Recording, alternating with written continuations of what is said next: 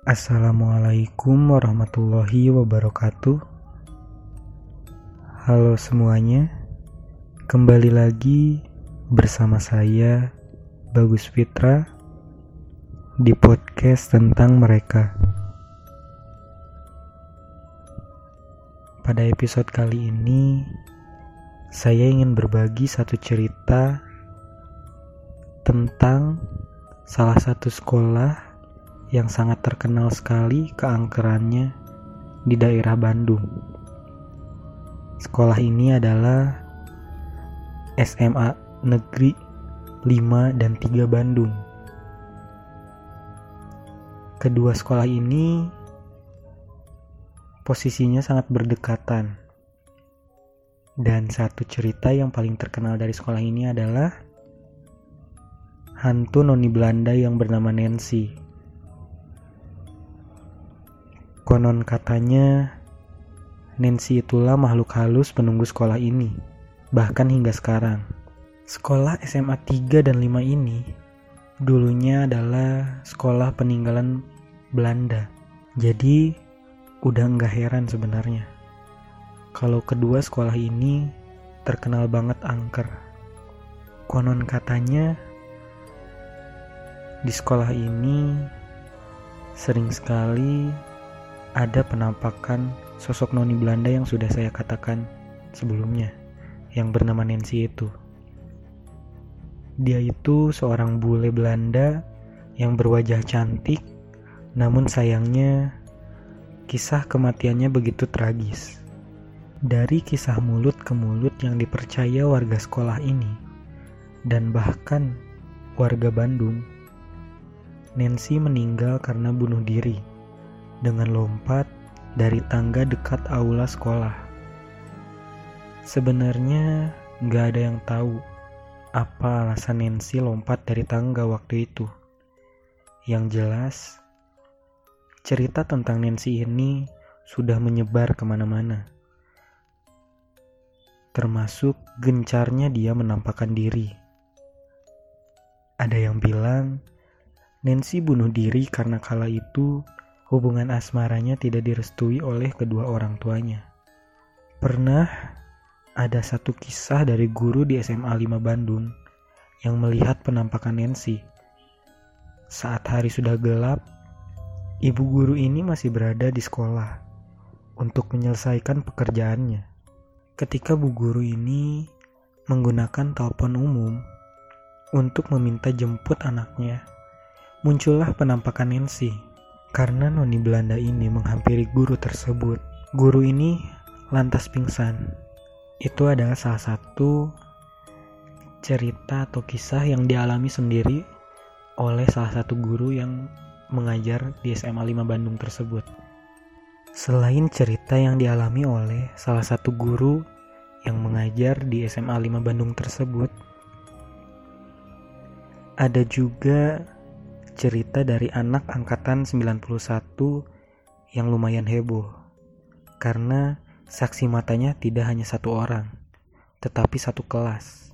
Jadi ceritanya, anak-anak kelas tersebut sedang masuk siang. Jadi, banyak ruangan kelas lain yang kosong. Mereka pun kompak untuk pindah ruangan ke kelas yang lain yang berada di lantai atas, supaya guru yang akan mengajar tidak kebingungan mencari. Ketua kelas pun turun untuk memberitahu. Setengah jam berlalu, guru yang ditunggu tak kunjung datang. Menunggu beberapa saat lagi, kemudian si guru yang ditunggu pun datang dengan wajah merah menahan marah bersama guru lainnya. Guru itu pun memarahi mereka semua. Karena setengah jam sebelumnya sudah berputar-putar keliling sekolah, termasuk ke lantai atas untuk mencari mereka dan tak kunjung ketemu. Bahkan hingga meminta bantuan guru lain untuk mencari mereka. 40 murid di dalam kelas itu semuanya kebingungan, sebab mereka merasa tidak ke mana-mana, dan harusnya tidak sesulit itu untuk menemukan mereka. Apalagi mereka sadar kalau kondisinya saat itu mereka sangat ribut di dalam kelas. Masa iya, tidak ada satu guru pun yang mendengar suara mereka. Pertanyaannya, entah mata dan telinga guru yang ditutup atau malah 40 anak itu yang ditutup. tidak ada yang tahu. Selain itu, kalau bercerita soal Nancy, biasanya warga sekolah ini juga akan membawa nama Mang Uca, pengurus sekolah yang sekaligus merupakan kuncen. Kali ini, cerita dari anak pramuka angkatan 92. Mereka sering kali meminta bantuan Mang Uca untuk mengamankan Nancy agar tidak mengganggu jalannya kegiatan pramuka yang bertempat di lantai atas pada malam hari. Pun begitu, juga unit kegiatan lainnya yang sering mengadakan uji keberanian bertajuk jurit malam. Nah, di sinilah Mang Uca berperan. Dia disebut mampu memindahkan Nancy dari tempat peraduannya di lantai atas ke tempat lain yang relatif lebih aman, yaitu sekitar kamar mandi di bagian belakang SMA 3. Di sanalah Nancy harus menghabiskan malam dengan sekerat bir sebagai sesajen yang telah disediakan. Syarat sesajen inilah yang katanya harus dipenuhi. Sebab kalau tidak, Nancy akan mengaku seperti yang telah terjadi sebelum-sebelumnya dan menyebabkan beberapa siswa yang menjadi panitia kesurupan. Saking terkenalnya kisah Nancy ini, begitu banyak orang yang ingin bertemu dengannya, sehingga banyak sekali yang datang ke SMA tersebut hanya untuk bertemu dengan sosok Nancy ini. Dan juga tidak hanya berhenti sebagai urban legend saja. Cerita hantu Nancy ini pun diangkat ke layar lebar pada Agustus tahun 2015 lalu. Karena diangkat ke layar lebar, pada saat proses syuting film berjudul Nancy tahun 2015 pun ada beragam kisah mengerikan di baliknya. Beberapa artis yang terlibat di film itu dikabarkan mengalami kesurupan. Akibat kejadian itu pun, syuting film ini sempat dihentikan. Padahal, pengambilan gambar film ini menggunakan SMKN 12 Bandung sebagai lokasinya. Bahkan, Denny Pusung sang sutradara berbicara bahwa saya juga nggak ngerti kenapa tiba-tiba ada beberapa pemain saya kerasukan di lokasi syuting. Trauma kerasukan pun dialami beberapa pemainnya, termasuk sang pemeran utama, Randy Martin dan Tamara Rebecca, yang mengalami dan enggan berkomentar. Dalam film ini, hantu Nancy dikisahkan bunuh diri akibat diperkosa.